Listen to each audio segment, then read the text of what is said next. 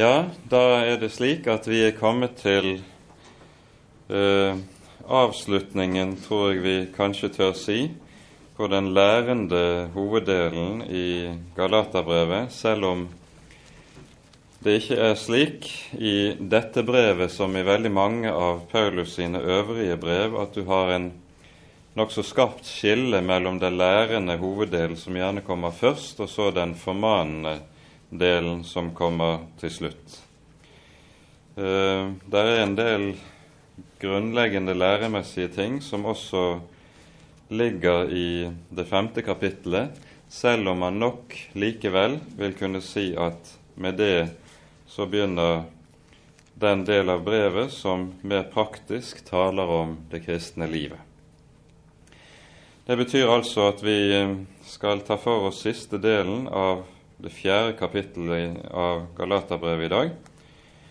Um, og vi minner om allerede innledningsvis at vi gjør det også i dag slik vi har brukt å gjøre det, at det er anledning til å stille spørsmål til slutt hvis det skulle være ting som noen lurer på. Men la oss be sammen før vi leser.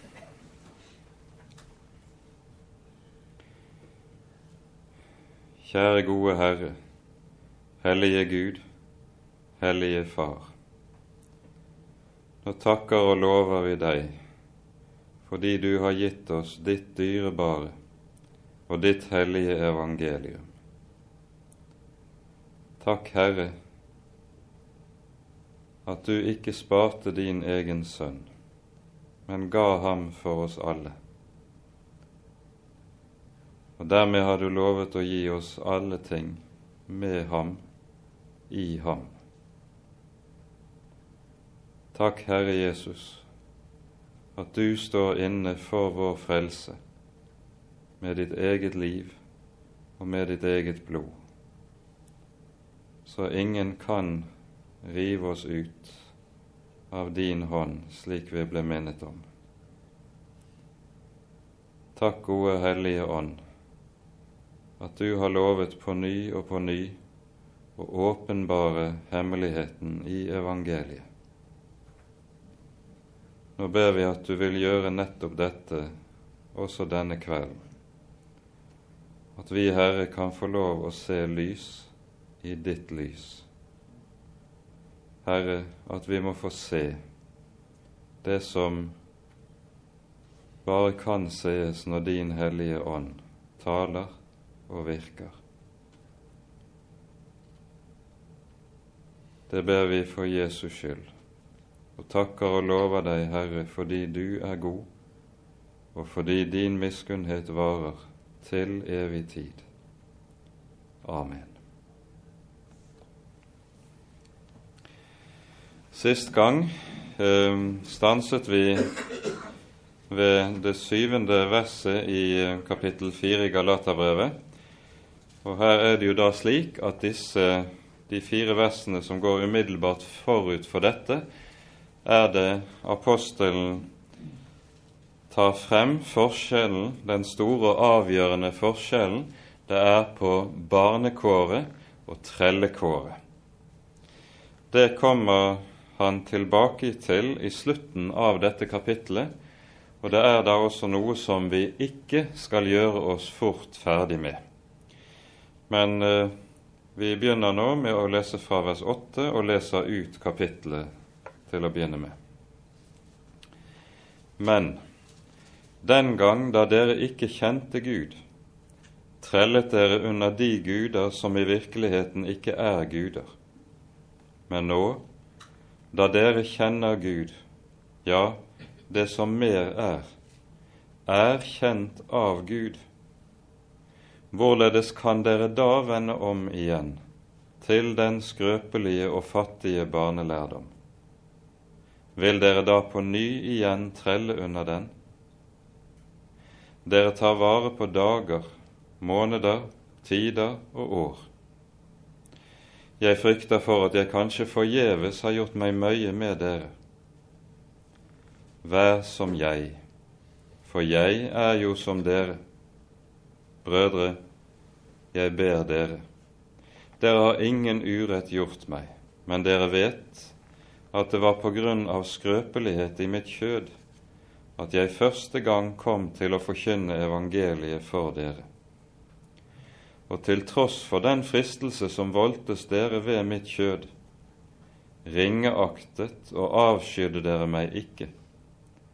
Dere tok imot meg som en Guds engel, ja, som Kristus Jesus hvor dere den gang priste dere salige. For jeg gir dere det vitnesbyrd at hadde det vært mulig, så hadde dere revet deres øyne ut og gitt meg dem. Så er jeg da blitt deres fiende ved å si dere sannheten. De legger seg etter dere med en iver som ikke er god, men de vil stenge dere ute for at dere skal være ivrige for dem. Men det er godt å vise iver i det gode alltid, og ikke bare når jeg er til stede hos dere. Mine barn, som jeg atter føder med smerte, inntil Kristus vinner skikkelse i dere. Jeg skulle ønske å være til stede hos dere nå og omskifte min røst, for jeg er rådvill med dere. Si meg, dere som vil være under loven, hører dere ikke loven? Det er jo skrevet at Abraham hadde to sønner, en med trellkvinnen og en med den frie kvinne. Men trellkvinnens sønn er født etter kjødet, den frie kvinnes derimot ifølge løftet. I dette ligger der en dypere mening under. For disse kvinner er to pakter. Den ene fra berget Sinai. Den føder barn til trelldom. Dette er Hagar. For Hagar er berget Sinai i Arabia og svarer til det Jerusalem som nå er, for det er i trelldom med sine barn. Men det Jerusalem som er der oppe, det er fritt, og det er vår mor. For det er skrevet:" Vær glad, du ufruktbare, du som ikke føder. Bryt ut og rop, du som ikke har veier, for den enslige kvinnes barn er mange fler enn hennes som har mann. Men vi brødre er løftets barn, like som Isak. Men like som den gang han som var født etter kjødet, forfulgte han som var født etter ånden, således òg nå. Men hva sier Skriften? Driv ut trellkvinnen og hennes sønn. For trellkvinnens sønn skal ingenlunde arve med den frie kvinnes sønn. Derfor, brødre, er vi ikke trellkvinnens barn, men den frie kvinnes. Amen.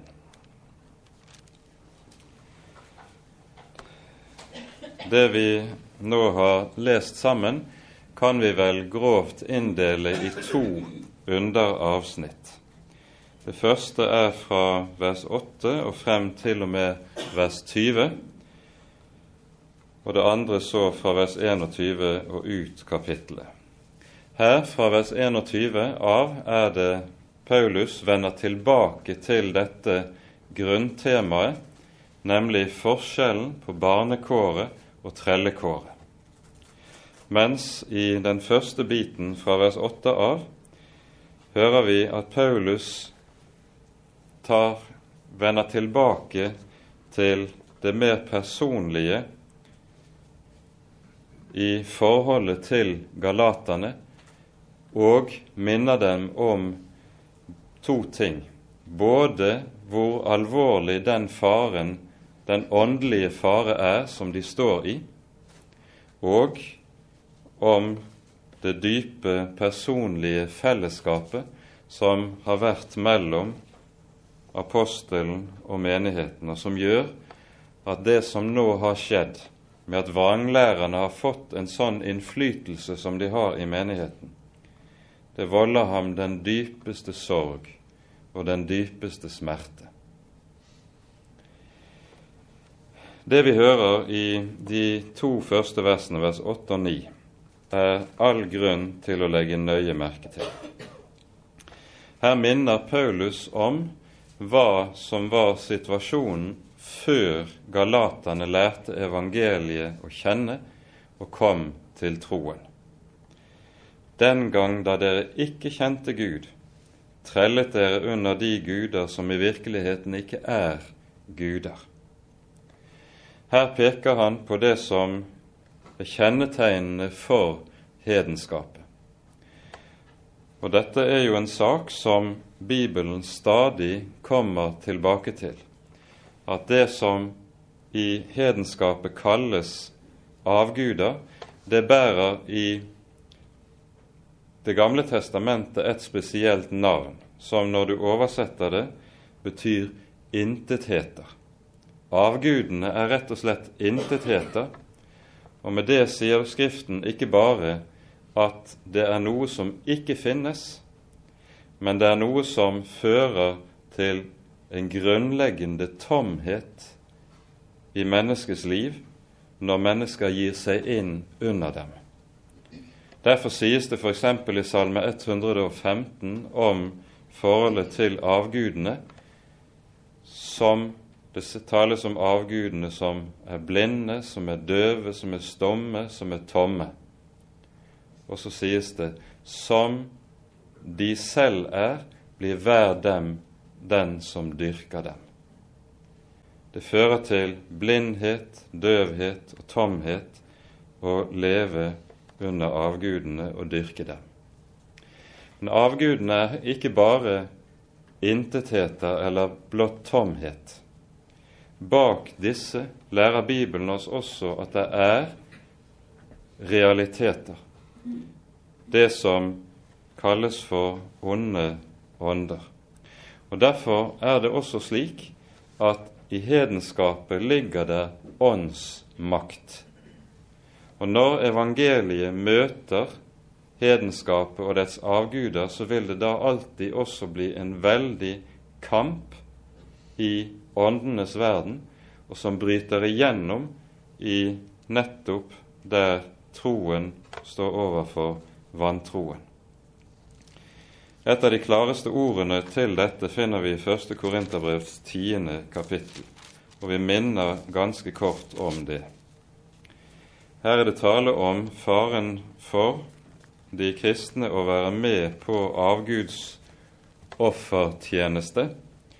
Det var noe som var litt av en fare for de første kristne rett og slett på grunn av måten datidens samfunn fungerte på.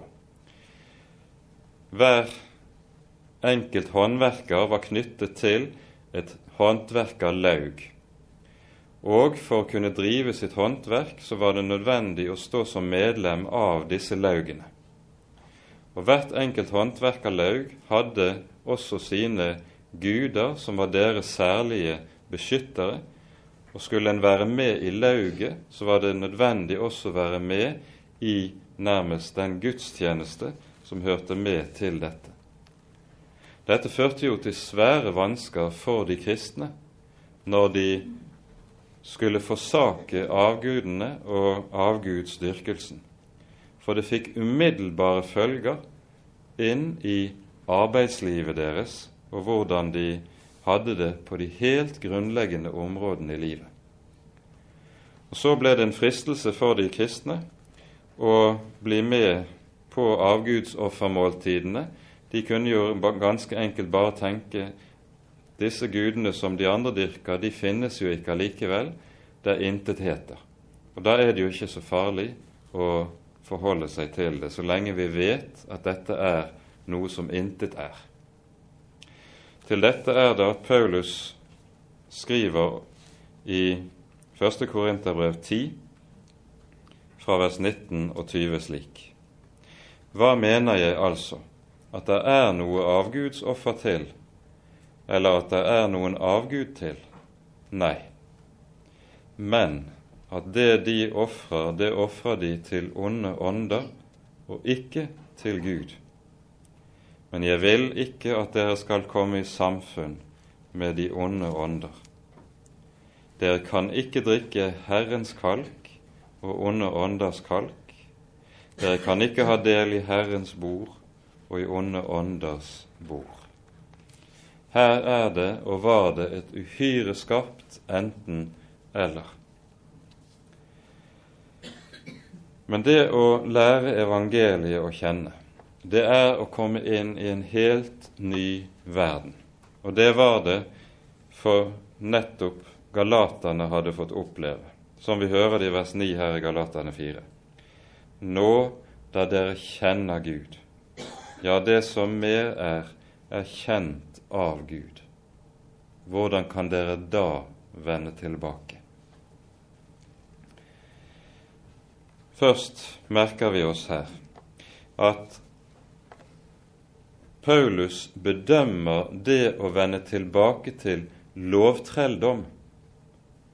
Galaterne sto ikke for, i fare for å vende tilbake til avgudsdyrkelsen og hedenskapet.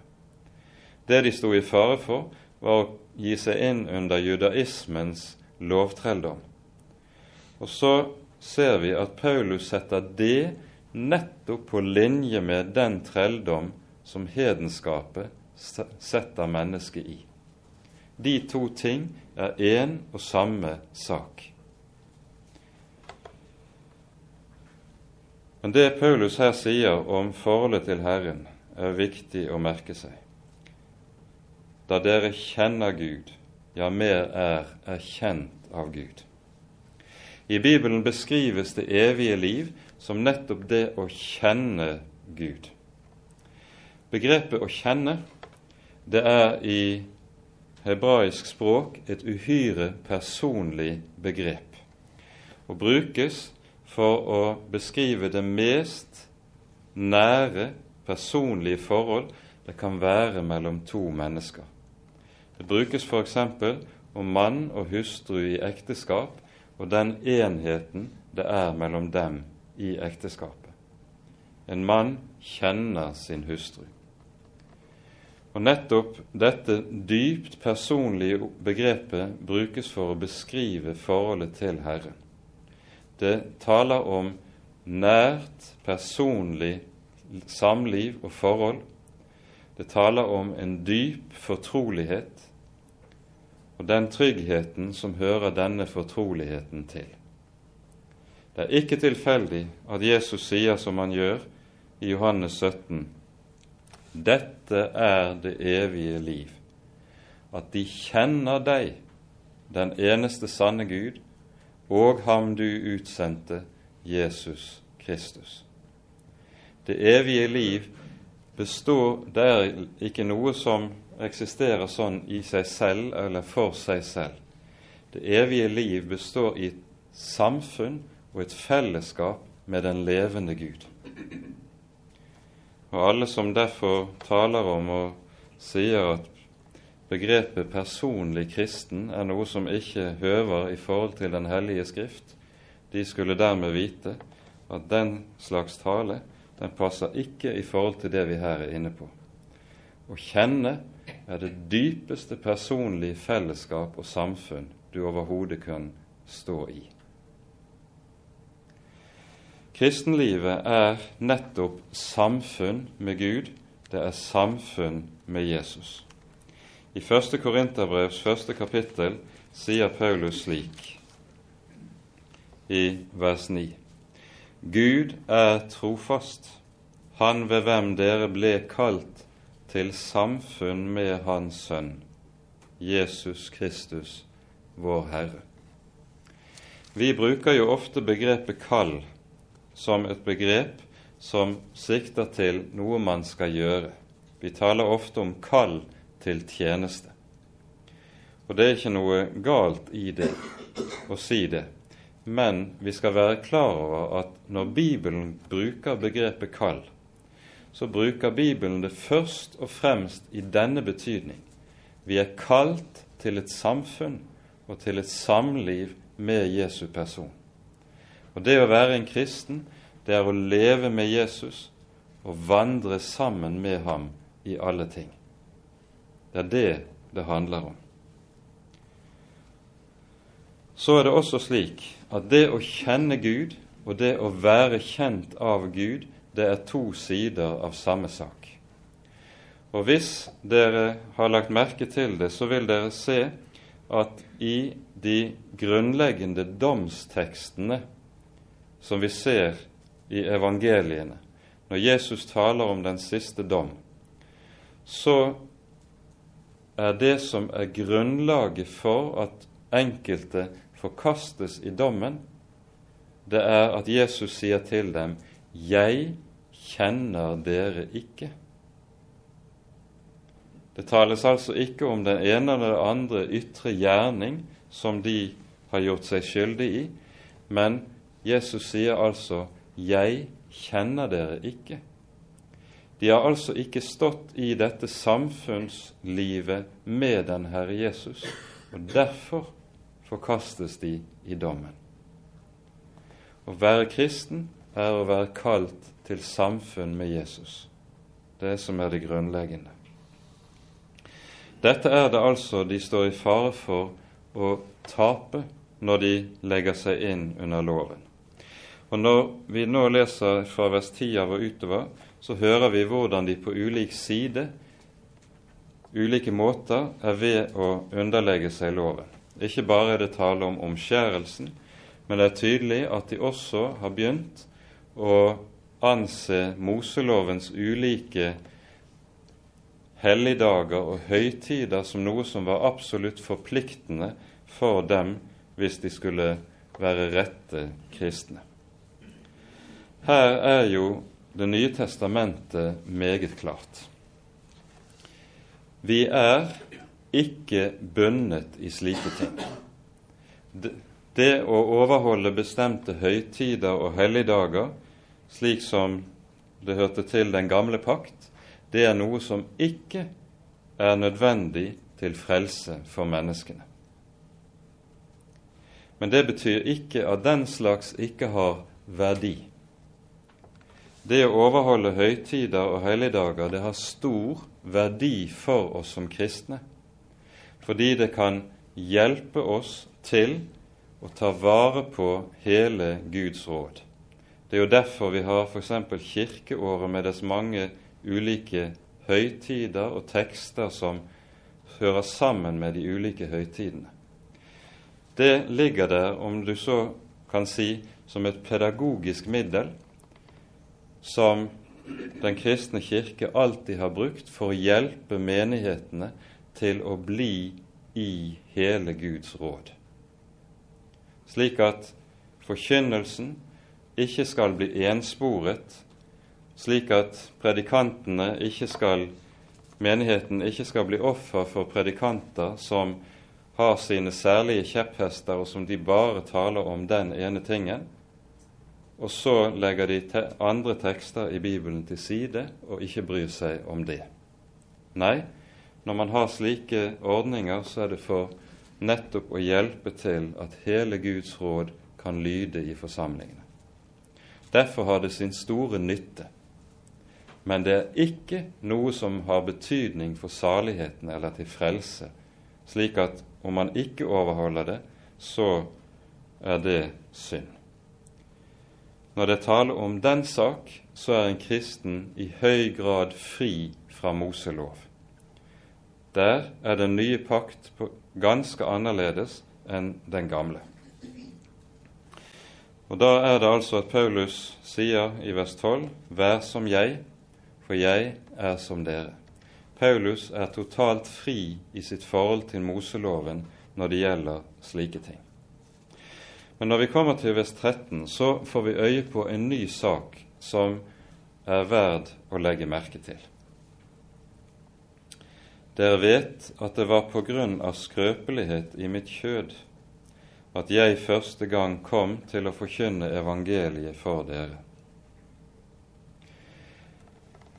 Paulus taler her antagelig om det som skjedde under hans første misjonsreise, nei, unnskyld, under hans annen misjonsreise, når han første gang kom på besøk og reiste gjennom Galatia.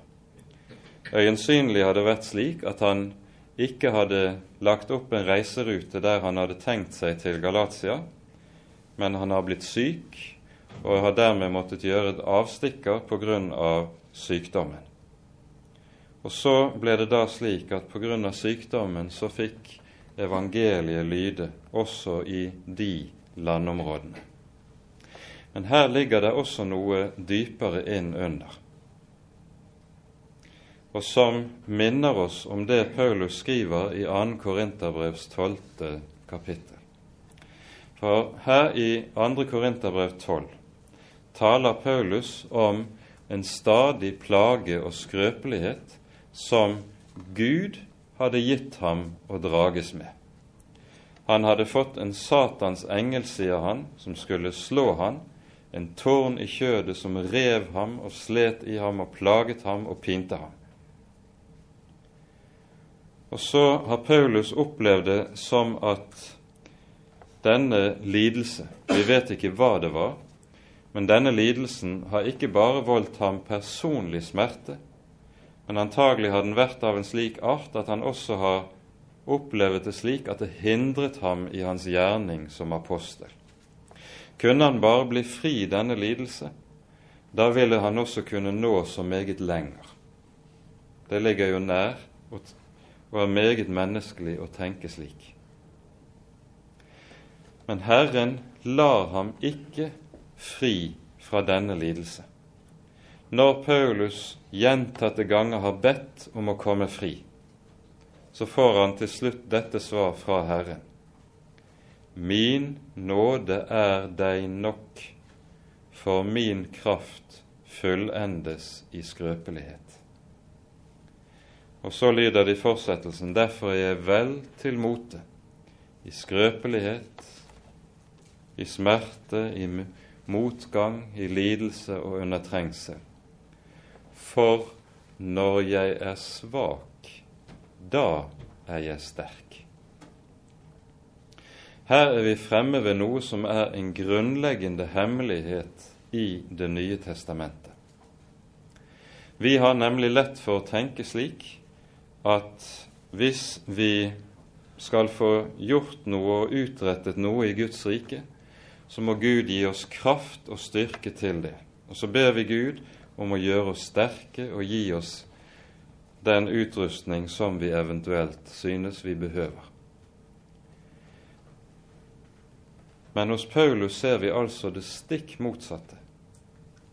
Herren gjør Paulus svak, han gjør ham ikke sterk. Han gjør ham hjelpeløs, ikke kraftfull.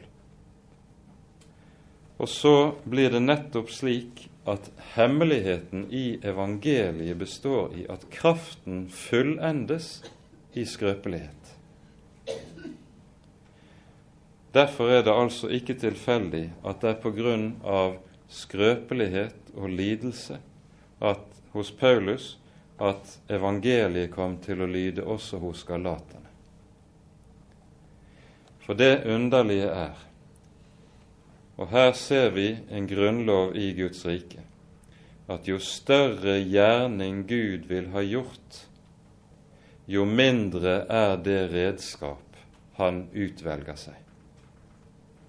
Derfor var det ikke noe sånn ved Paulus at han var et stort menneske, en imponerende personlighet som dominerte omgivelsene i kraft av sin sterke utstråling og karakter. Det var ikke slik Paulus var. Han var for sin egen del svak og hjelpeløs. Men nettopp i sin hjelpeløshet var han avhengig av Jesus. Og denne avhengighet, det var det som var hans styrke. Dette som vi her er inne på, taler Paulus meget om i det brevet som er det mest personlige av alle Paulus sine brev, nemlig 2. Korinterbrev. Men du møter det, når du først har oppdaget det, så vil du møte det igjen overalt i brevene hans. Tenk bare på f.eks. hva han sier i 1. Korinterbrevs 2. kapittel, og om hvorledes evangeliet ble forkynt i Korint. Her sier han slik i, fra vers 1.: Da jeg kom til dere, kom jeg ikke med mesterskap i tale eller visdom og forkynte dere Guds vitnesbyrd. For jeg ville ikke vite av noe iblant dere uten Jesus Kristus og ham korsfestet. Og jeg var hos dere i skrøpelighet og frykt og megen beven. Det er altså ikke tale om en som selvsikkert står frem og har det og kan det og behersker situasjonen. Det, det stikk motsatte vi hører om. Han vitner for sin egen del om stor skrøpelighet og frykt og beven i sin tjeneste. Han tok det aldri for gitt at alle ting skulle legge seg til rette. På ny og på ny var han like, like hjelpeløs og derfor også like avhengig av at Herren tok seg av ham og åpnet de dører som skulle åpnes. Kraften fullendes i skrøpelighet. Og Når Paulus skal beskrive sin og de øvrige apostlene sin tjeneste, som vi hører det i 2. Korinterbrevs 4. kapittel, så sammenfatter han alt dette på denne måten. Vi leser 2. kor 4 fra vers 7 av. Men vi har denne skatt i leirkar, for at den rike kraft skal være av Gud og ikke av oss, i det vi alltid er i trengsel, men ikke kuet, tvilende, men ikke mistvilende, forfulgt, men ikke oppgitt, nedslått, men ikke tilintetgjort. Alltid bærende Jesu død med oss i legemet, for at også Jesu liv kan bli åpenbaret i vårt legeme.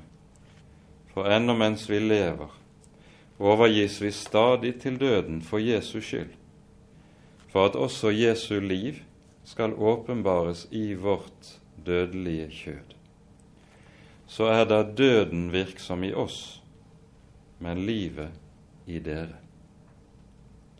Ved at Paulus på ny og på ny overgis til døden, til skrøpelighet, til lidelse og smerte, så får evangeliet en særlig virkekraft. Kraften fullendes i skrøpelighet.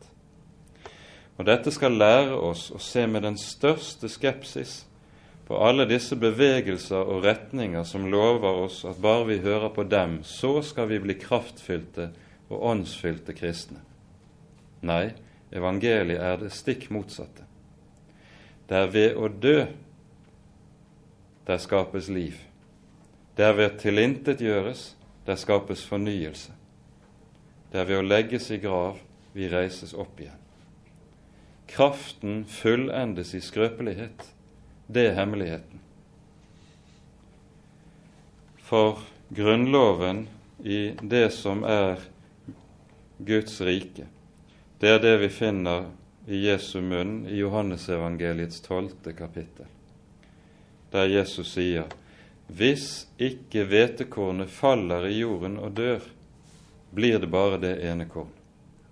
Men hvis det dør, bærer det megen frukt. Og dette sier Jesus ikke bare om seg selv og sin egen lidelse og frukten av den, men det er noe som også gjelder alle som hører ham til. Derfor er det regelmessig slik at det som er problemet vårt som kristne, ikke er at vi er for svake, men at vi er for sterke. Det går aldri an å være for liten i Guds rike sammenheng, men det går meget godt an å være for stor. Det går aldri an å være for svak, men det går meget godt an å være for sterk. Og det er ofte vår nød. Og så slipper ikke Gud til fordi vi er for flinke. Vi er for dyktige. Ja, så flinke og dyktige i alt vi holder på med, at Gud rett og slett ikke behøver å komme og blande seg i sakene, for vi klarer oss selv. det er stadig vår nød. Og Dette er da også noe som menneskelig talt er nesten uutholdelig for oss, fordi det er noe som ligger dypt nedlagt i det falne mennesket, at vi føler oss utrygge dersom vi ikke står i den stilling at vi kan beherske enhver situasjon. Gjør vi ikke det, så er vi utrygge. Men Herren, når Han skal føre noen inn i sin gjerning og i sin tjeneste, da gjør han det nettopp på det vis at han tar kontrollen ut av våre hender, for at han skal være alene om å styre og råde. Da føler vi oss hjelpeløse, og det smaker ikke godt.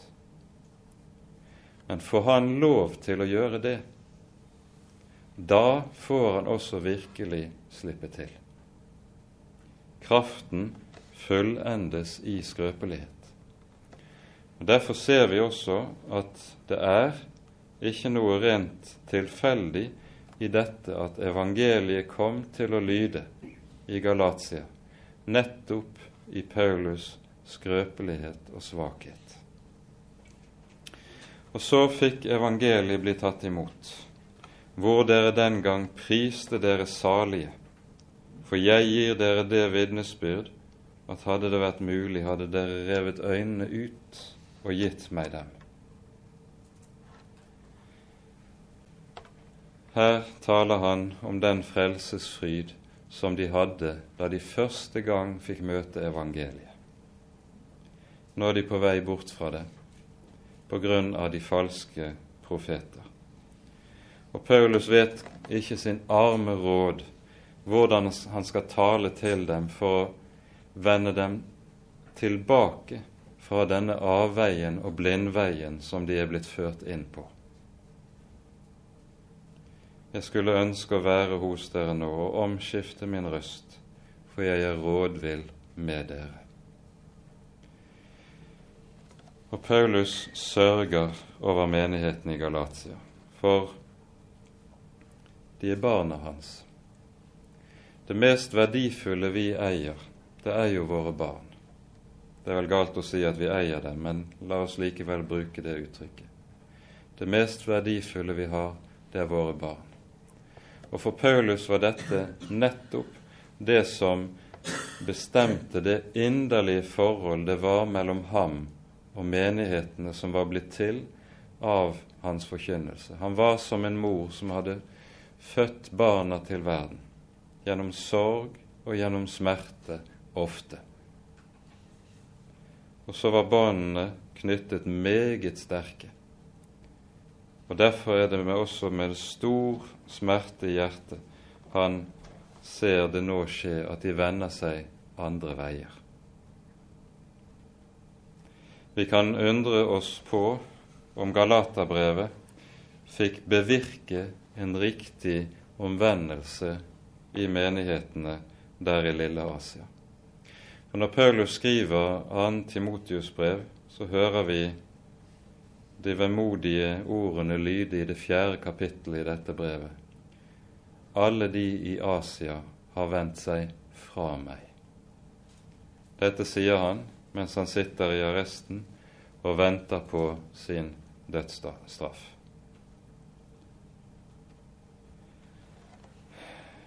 Nå kommer vi da til det andre hoveddelen av det avsnittet vi skulle se på i kveld. Si meg, dere som vil være under loven, hører dere ikke loven?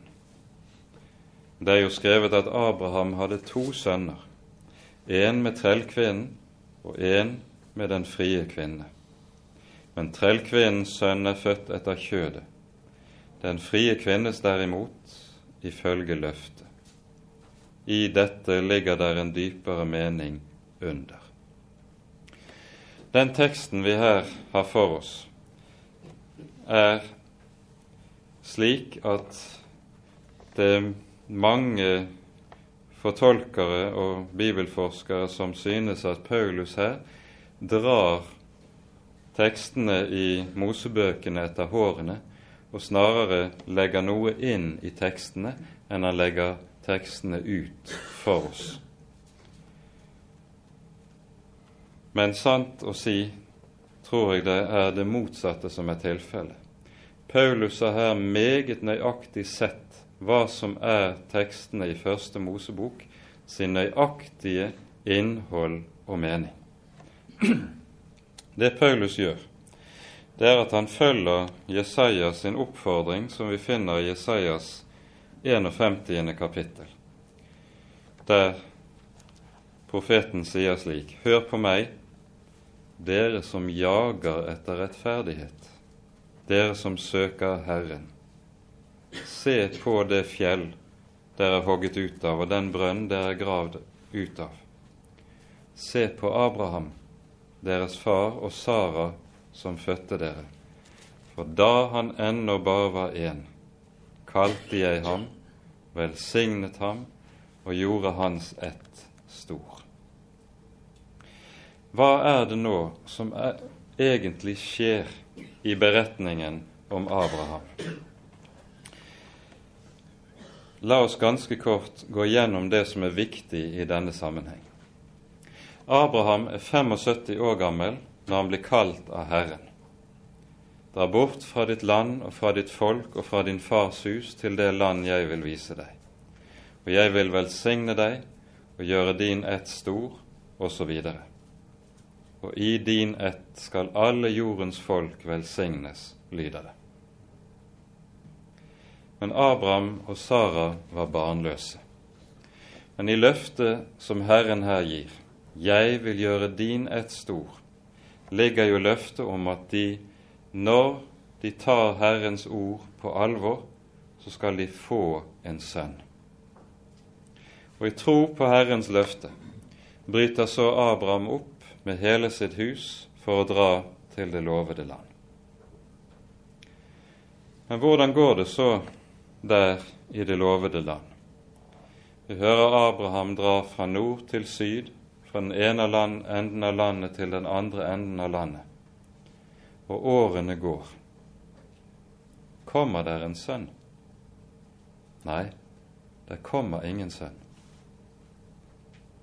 Og så blir Abraham 85 år gammel, og det er fortsatt ikke det aller minste tegn på at Herren skal oppfylle det løftet han har gitt. Abraham vet jo hvordan naturen er. Jo lenger tiden går, jo mer umulig blir det at løftet kan bli oppfylt. Abraham er 85 og Sara 75. Da er det at Sara etter hvert føler ventetiden begynner å bli uutholdelig. Hvis vi ikke gjør noe nå, så kan ikke løftet til Gud bli oppfylt. Vi må foreta oss noe. Og så er det Sara gjør etter det som var lovgivningen i datiden.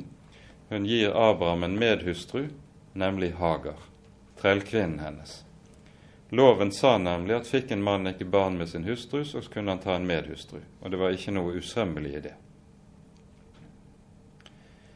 Og med Hagar avler Abraham sønnen Ismael. Men nå sier altså Paulus Ismail er født etter kjødet. Og selvfølgelig er det det som er saken. Ismail er resultat av at Abraham og Sara har foretatt seg noe. De tenkte selv hvis vi ikke gjør noe nå, så er det for seint.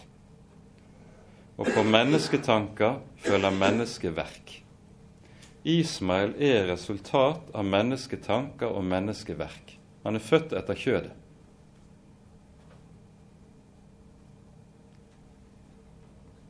Så går årene videre. Abraham blir 99, Sara 89. Og nå sier Skriften Sara hadde det ikke lenger på kvinners vis, og Abrahams legeme var utlevd. Det er en pen måte å si det på, at de var begge to fysisk sett ute av stand til å avle barn. Da kommer Gud. Da er det Gud kommer og gjester Abraham og Sara og sier ved denne tid neste år skal Sara ha en sønn. Hvordan reagerer de? Abraham ler, Sara ler. Det er umulig. Det er for sent.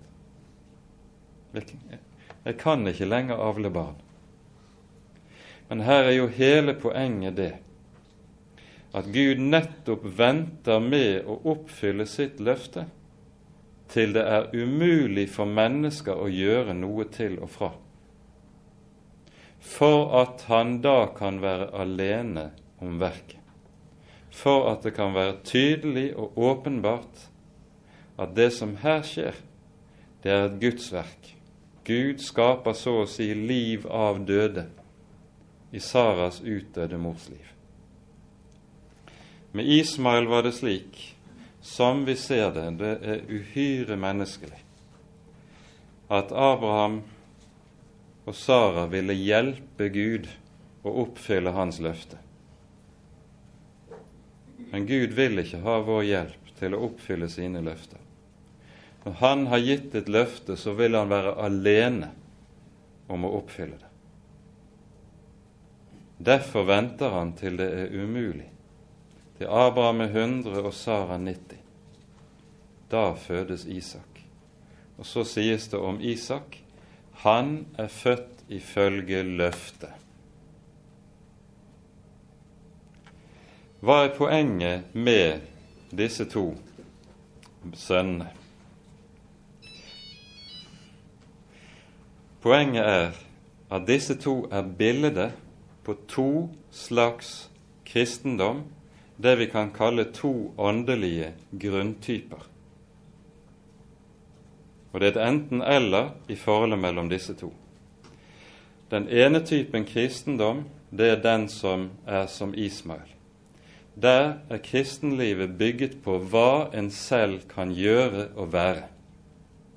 Kristenlivet består også i det hva en selv kan gjøre og være. Hva er det å være kristen? for Ismaels barn, det å ta opp utfordringene, det å gjøre noe for Gud, eller hva det nå måtte være. Kristenlivet springer der ut av noe som mennesket har gjort. Det fører til trelldom. Det er Ismaels barn. Mens hos Isak er det stikk motsatt. Isaks fødsel og tilblivelse er et Guds under. Gud som skaper liv av døde. Gud som bokstavelig talt gjør det som sies i Romerbrevets åttende kapittel, når det sies det som var umulig for loven, fordi den var maktesløs på grunn av kjødet, det gjorde Gud. Det er hemmeligheten. For sann kristendom hva er det? Det består ikke i og grunner seg ikke på hva jeg kan gjøre eller være for Gud. Men det består i at jeg ligger hjelpeløs i grøften, akkurat som mannen som var overfalt av røverne. Og så kommer Jesus, den barmhjertige samaritan, og plukker meg opp av grøften. Tar seg av mitt konkursbo jeg har ingenting jeg kan komme med, ingenting jeg kan gjøre, ingenting jeg kan være. Og derfor er Jesus alt. Derfor gjør Jesus også alt. Og så blir jeg en kristen fordi Jesus har tatt seg av meg, ikke fordi jeg har prøvd å være noe. Derfor sier Skriften, hvem er det som er et Guds barn? Det står alle dem som tok imot ham, dem ga han rett til å bli Guds barn, de som tror på hans navn. Og de er født, ikke av manns vilje, ikke av kjøds vilje, men av Gud. Jeg skal få være et Guds barn fordi Jesus har tatt seg av meg i min hjelpeløshet, ikke fordi jeg har gjort noe eller prøvd å være noe. Ikke på grunnlag av at jeg prøver å være noe som kristen. Disse to slags kristendom, forskjellen mellom de er som mellom himmel og helvete. Og Dette her er også helt avgjørende, for du ser det vi her taler om, det gjelder like inn i menneskets aller mest grunnleggende gudsforhold. Når du ber, tenk bare på hvor lett Ismaels trellesinn gjør seg gjeldende. Har du falt i synd, da tenker du Gud kan ikke høre mine bønner nå. Men har du vært lydig, lykkes med din bibellesning, kanskje har klart å vitne for en eller annen i din omkrets, da er du frimodig fordi du har fått det til. Den som tenker sånn, dette ligger dypt nedlagt i oss alle sammen, han bygger sin frimodighet på hva han selv kan være som kristen, ikke på hva Jesus er. Men hemmeligheten i evangeliet er at Faderen hører meg, ikke på grunn av mine seire, men for sin sønns skyld. Faderen tar seg av meg og ser til meg alene på grunn av hva Jesus har gjort. Jesus er min frimodighet. Jesus er min adgang inn for Gud, sier Skriften. Efeserne 3,12. I ham har vi vår adgang og frimodighet ved troen. Det er derfor det i Johannes evangeliet sies fra Jesu munn slik Jeg er døren. Det er Han som er adgangen. Når Paulus skriver Galaterbrevet, så tror jeg vi har lov til å si at hele hensikten med dette brevet kan sammenfattes i det Paulus sier i vers 30 her. Hva sier Skriften? Driv ut trellkvinnen og hennes sønn. Dette er forkynnelsens fremste oppgave å hindre at trelldommens ånd skal råde i Guds folk og deres hjerter å drive ut den slags kristendom som bare har navn av kristendom, men er menneskeverk. For det som er sann kristendom, det er det som er Guds verk, og som er født ovenfra. Som ikke er et resultat av at jeg har tatt meg sammen og prøver å leve som en kristen. Kristendom er født av Gud ved Ånden. Født av Gud ved evangeliet. Skal vi sammenfatte hva det er å være fri fra loven?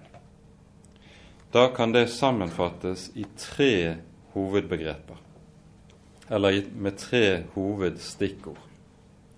For det første det å være fri fra Guds hellige lov, det vil si at mitt gudsforhold ikke er grunnet på noe jeg kan være eller gjøre. Mitt bønneliv, ingenting i samlivet med Herren er grunnet på hva jeg gjør eller hva jeg er. Det bygger på hva Jesus gjør, og hva Han har fullbyrdet, alene. For det andre det å være fri fra loven vil si å være fri fra lovens dom. Når loven taler sine dommer, så dømmer den meg til døden på grunn av alle mine synder. Å være fri fra loven, det er å vite at Jesus har tatt lovens dom i mitt sted, og derfor er jeg fri. Han led for min skyld. Derfor skal jeg ikke dø. Derfor skal jeg ikke forkastes. Derfor skal Gud i stedet ta meg til seg og behandle meg som sitt høyt, høyt elskede barn. Jeg er fri fra lovens dom. Dermed kan en kristen eie den aller største frimodighet ansikt til ansikt med døden. En kristen behøver ikke å være redd for døden. Om den kommer når jeg ligger på sotteseng, 80 eller 90 år gammel, eller om den kommer i en trafikkulykke i morgen, det spiller ingen rolle. Så lenge jeg har Jesus, er jeg fri fra lovens dom, og da har døden intet å si. Den kan ikke true meg. Da er jeg trygg. Hvordan enn livet skal komme til å arte seg og, og utvikle seg. Om det blir liv eller død, det er ikke min sak. Jeg vet bare at enten det er det ene eller det andre, så er jeg i Herrens hånd, Hans nådes hånd. For det tredje, det å være fri fra loven, det er å være fri fra lovens anklage. Anklagen, det er det som stadig plager en kristen i samvittigheten. Stadig er det at loven søker å gjøre seg gjeldende i samvittigheten og knekke og bryte ned frimodigheten i troen og som vi eier i evangeliet. Her er det djevelen kanskje har sin aller fremste gjerning hos en kristen. Først med å friste oss til fall, og senere, når han har klart å føre oss til fall, så legger han loven inn i samvittigheten, og så sier han du, du kan ikke være Guds barn sånn som du er. Nå er Gud vred på deg. Nå er det slutt, nå er ikke det håp lenger for deg. Og så prøver djevelen en av to ting i den situasjonen. Enten å friste meg til å gi opp troen og vende Herren ryggen, i fortvilelse over at kristendom er visst ikke noe for sånne syndere. Eller han prøver å føre meg inn i selvforbedring, i det anklagen liksom skal miste brodden ved at jeg prøver å komme meg såpass ovenpå i forhold til synden at jeg ikke lenger behøver å føle anklagen så sterk. Begge deler er grøfter som djevelen prøver å føre oss ned i.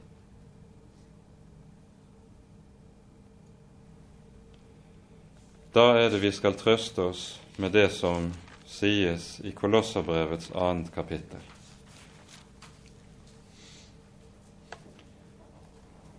Her står det sånn fra vers 13 til 15, og vi skal legge nøye merke til sammenhengen i teksten her.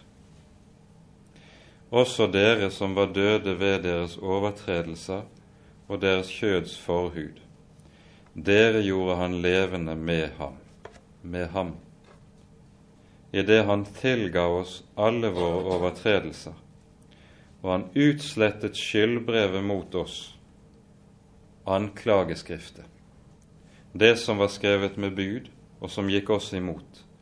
Det tok han bort idet han naglet det til korset. Han avvæpnet maktene og myndighetene og stilte dem åpenlyst til skue idet han viste seg som seierherre over dem på korset. Hva er det som er djevelens våpen, og som han fratas når han avvæpnes? Det er loven. Loven er naglet til korset. Anklageskriftet ble hengt der sammen med Jesus. Og så skal en kristen få lov til å være fri i samvittigheten, selv om han er plaget med at synden stadig bor i han og stadig kan bryte ut. For loven har ikke rom i en kristens hjerte. Loven har en annen rolle. Det er det Paulus kommer til i kapittel 5 i Galaterbrevet, som vi altså kommer til neste gang. Å være fri fra loven, når vi altså skal samle det opp, består i disse tre ting. Gudsforholdet hviler ikke på min lydighet, men på Jesu lydighet. Å være fri fra loven er å være fri fra alle dens dommer. Å være fri fra loven er å fri, være fri alle dens anklager. Da kan en kristen både være frimodig og være glad. Da har han det som heter glede i Herren. Amen. Ære være Faderen og Sønnen og Den hellige ånd, som var og er og være skal, en sann Gud, høylovet i evighet. Amen.